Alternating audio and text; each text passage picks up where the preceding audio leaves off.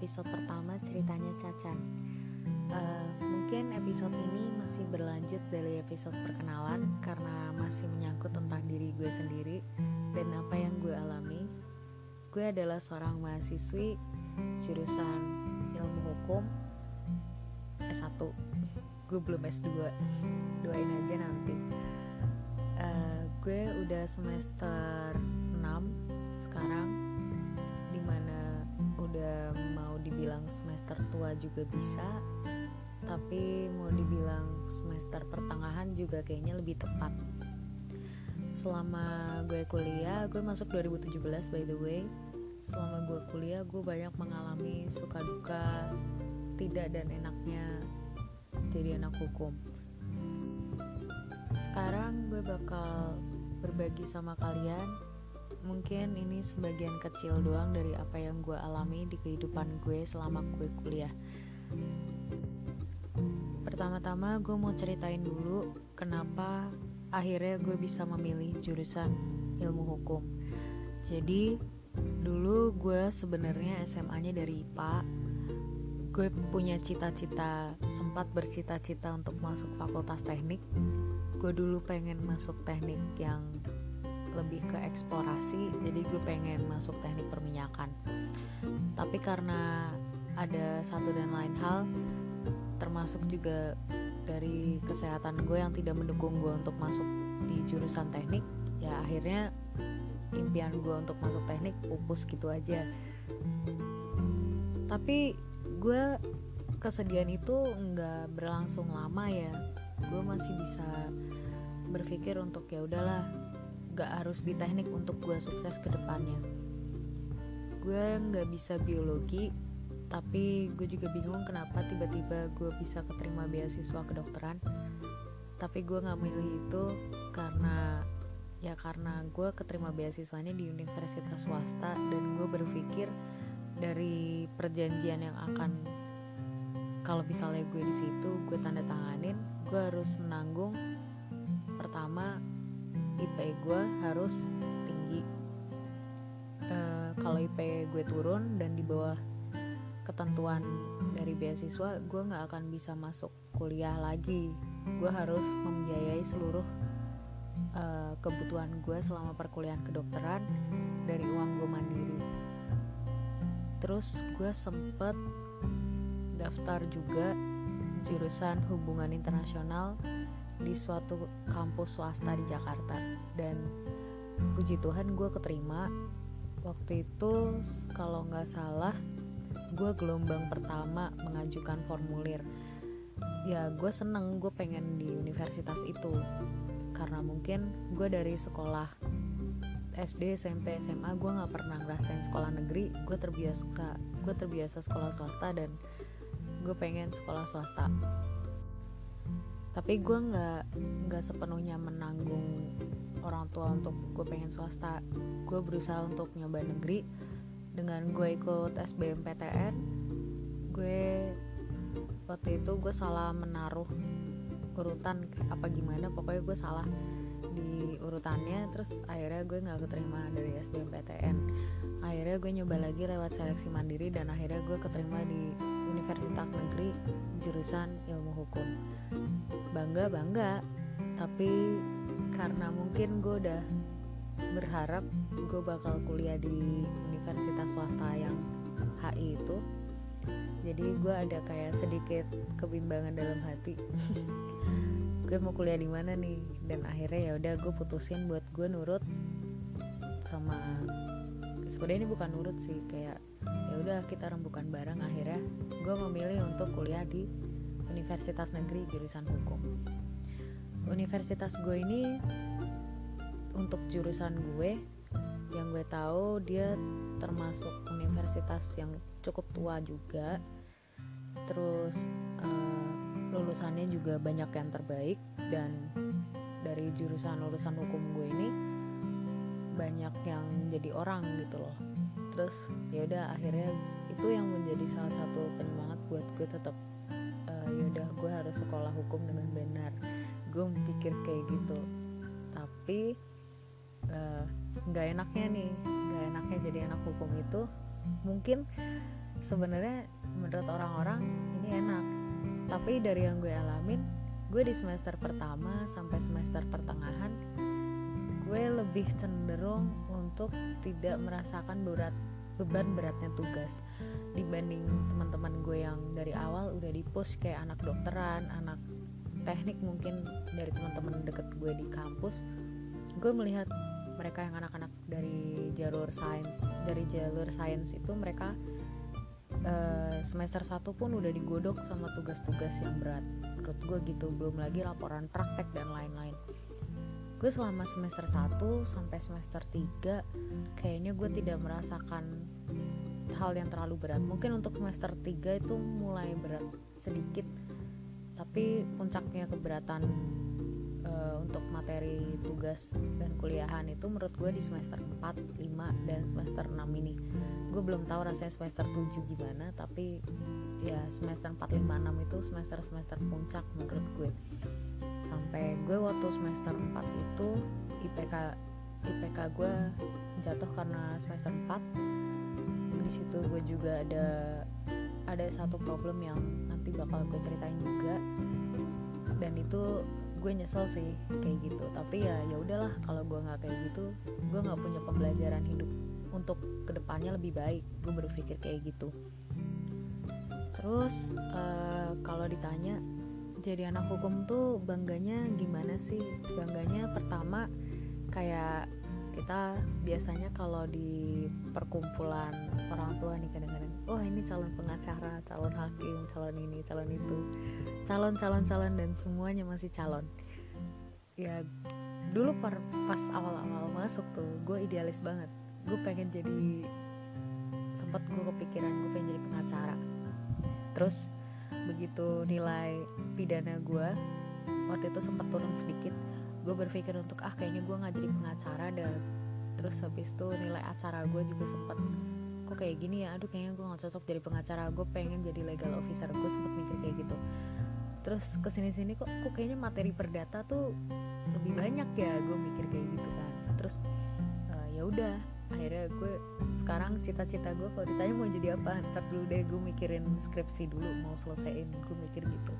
Terus habis itu uh, kalau misalnya enaknya itu mungkin dibanding jurusan-jurusan lain ya uh, mungkin udah kelihatan juga kalau dari anak-anak sosial mungkin dari sekolahnya pun tidak se uh, tidak seban tidak sepadat orang-orang dari ilmu alam.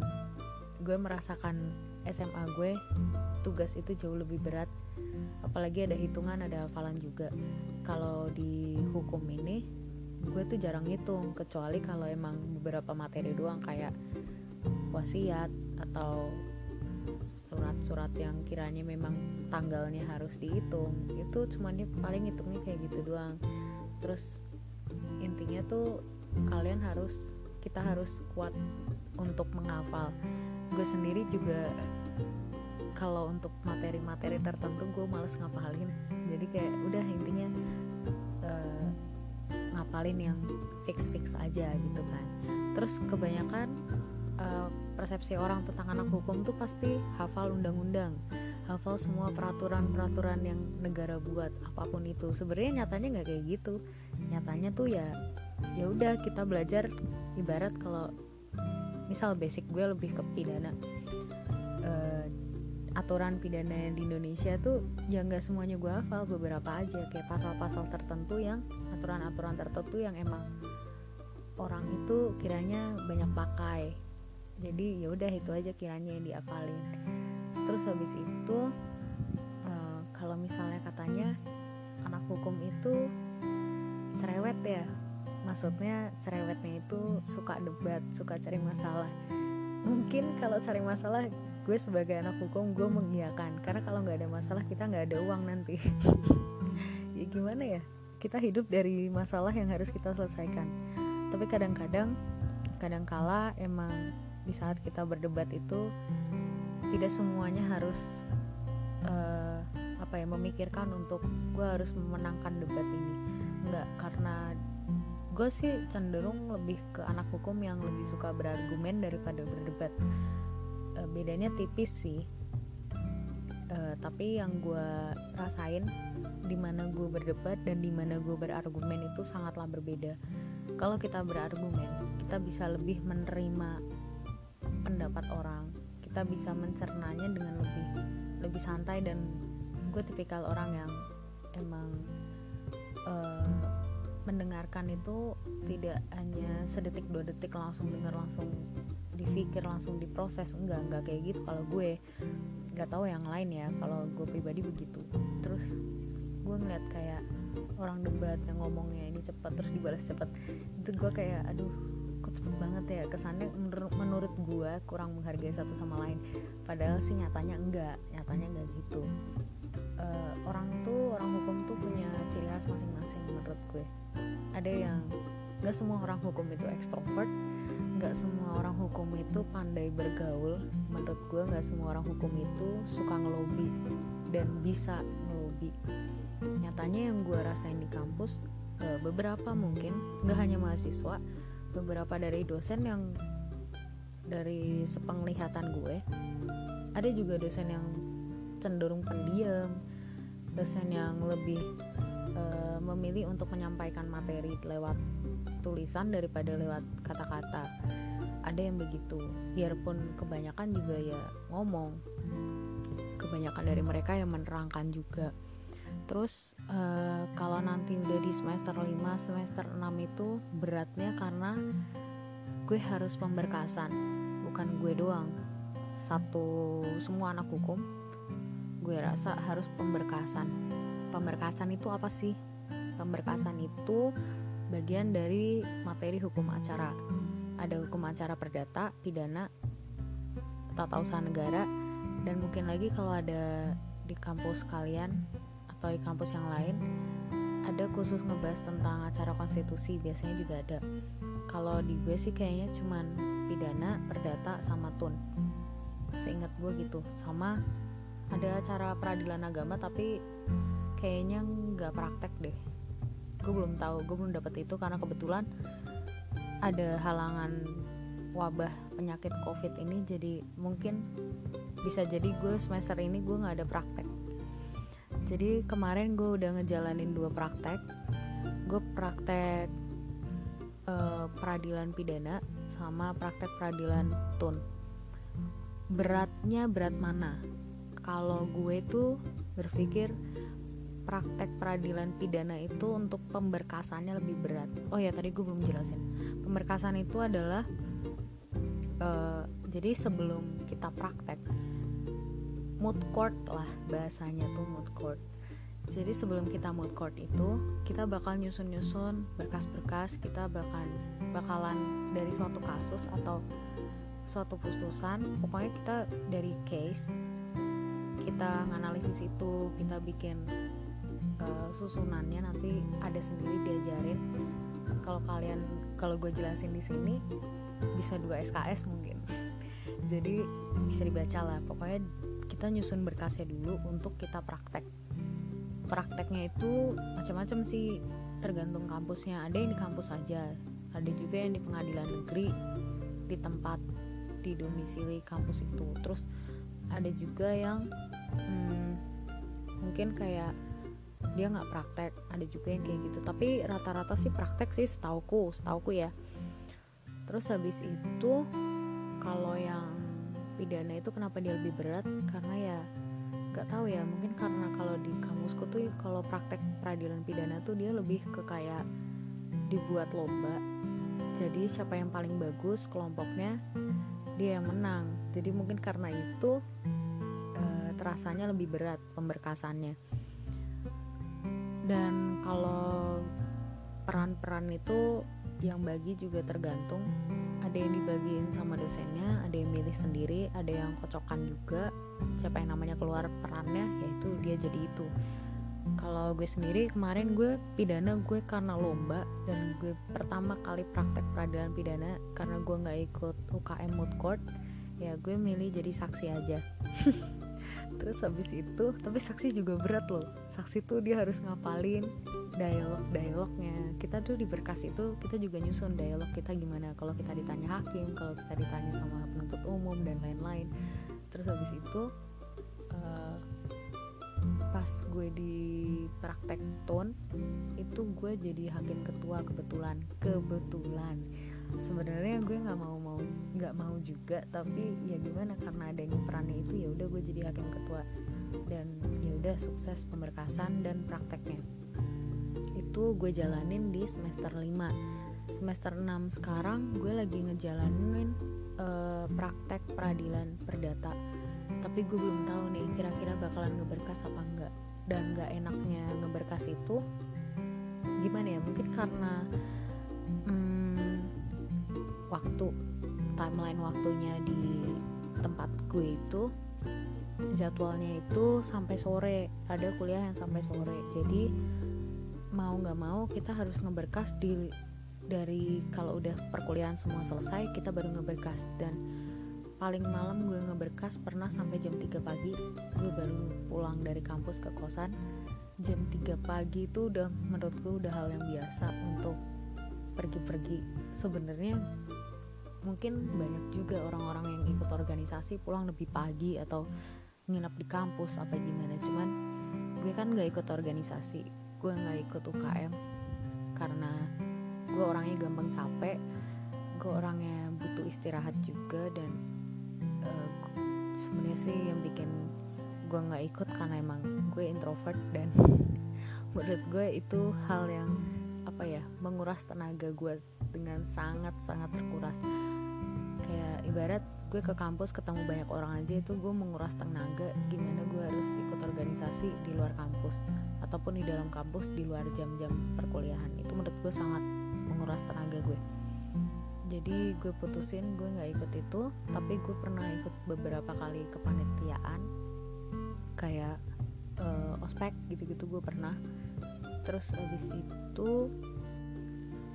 kebetulan uh, posisi kosan gue itu bisa dibilang jauh-jauh enggak dari kampus. Uh, kosan gue itu deket sama kuburan. Ya itu ada cerita tersendiri waktu gue pulang ke Berkas. Mungkin nanti bakal gue ceritain di episode yang lain. Khusus malam Jumat mungkin kalau ada. Terus habis itu uh, teman-teman gue sih fine fine aja yang biasa pulang pagi pulang tengah malam. Cuman gue anaknya gampang masuk angin. Jadinya kalau gue pulang tengah malam tuh badan ngerasa nggak enak ya pokoknya kayak gitulah. Tapi ya udah karena udah udah membiasakan diri dengan memaksakan diri ya udah terbiasa. Terus abis itu enaknya jadi anak hukum. Biar kalian juga pengen kalian lagi bingung mau milih jurusan apa terus penasaran jurusan hukum itu gimana.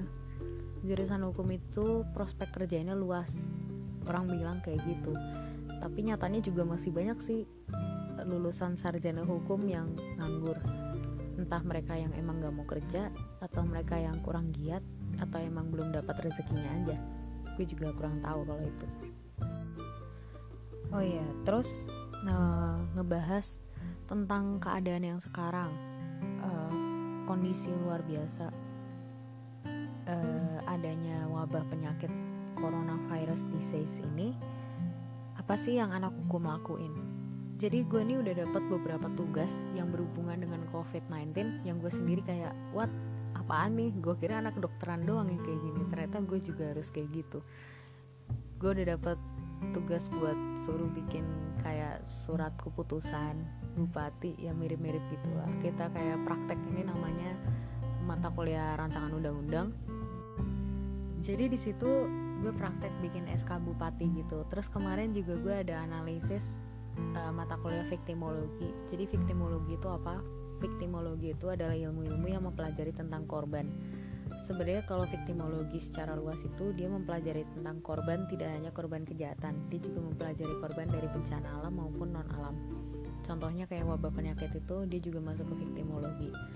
Dan gue kemarin udah nyelesain tugas makalah analisis gue tentang uh, kajian victimologi terhadap kasus COVID-19 itu terus abis itu katanya temen gue dari kampus lain yang anak hukum juga dia disuruh bikin ya mirip-mirip kayak gue lah kayak peraturan-peraturan pemerintahan untuk menghadapi COVID-19 ini gimana terus soal lockdown ini gimana baiknya?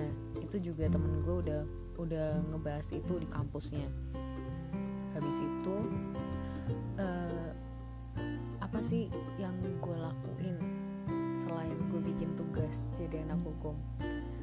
Ya gue bikin tugas gue baca buku. Sebenarnya uh, banyak juga teman-teman gue yang gak demen baca banyak juga teman-teman gue yang kayak kalau besok ada mau materi ya udahlah ngikut aja sama dosen. Itu juga ada begitu. Uh, di biarpun orang kalau ngelihat katanya anak negeri pinter-pinter anak negeri tuh rajin-rajin anak negeri tuh pokoknya dewa. Ya mungkin bisa dibilang begitu untuk beberapa tapi ya kan kita nggak bisa apa ya kita nggak bisa memukul rata. Nggak semua anak negeri itu didewakan. Jadi kita kuliah di mana pun asalkan kita niat belajar ya udah kita bakal didewakan kok suatu hari nanti sama orang lain. Toh kita juga nggak apa ya nggak belajar itu bukan untuk tujuan pengen didewakan kok. Belajar itu buat diri kita sendiri. Gue sendiri juga bukan anak yang rajin-rajin banget. Ada beberapa mata kuliah yang emang gue nggak ter, terlalu tertarik dan gue kayak agak aduh apain sih apain sih? Cuman ya udahlah jalanin aja. Untuk baca buku bukunya anak hukum itu tebel-tebel lumayan. Sebenarnya nggak tebel-tebel banget tergantung. Biasanya kalau buku-buku referensi yang emang dari zaman dulu ada itu biasanya tebel-tebel berat-berat dan bau buku tua gitu loh. Kadang-kadang gue suka ya udah mager banget jurnal-jurnal sih. Kalau gue lebih ke jurnal karena gampang dicari gampang di download dan gratis. Ya gimana ya? Buku juga gue ada banyak tapi gue lebih nyaman kalau nyari referensi dari ini jurnal karena lebih cepat aja. Uh, mungkin itu dulu aja yang bakal gue bagi untuk hari ini tentang cerita gimana suka duka gue jadi anak hukum. Ke depannya gue kayaknya bakal bahas lagi kalau ada yang perlu gue bahas kiranya. Terus gue di sini nggak akan cuma cerita tentang rutinitas gue doang. Kadang gue bakal ngejulitin orang lain juga kalau gue mau. Gue ada yang gak gitu. Terus ya udah deh itu aja. Terima kasih sudah meng terima kasih sudah mendengarkan.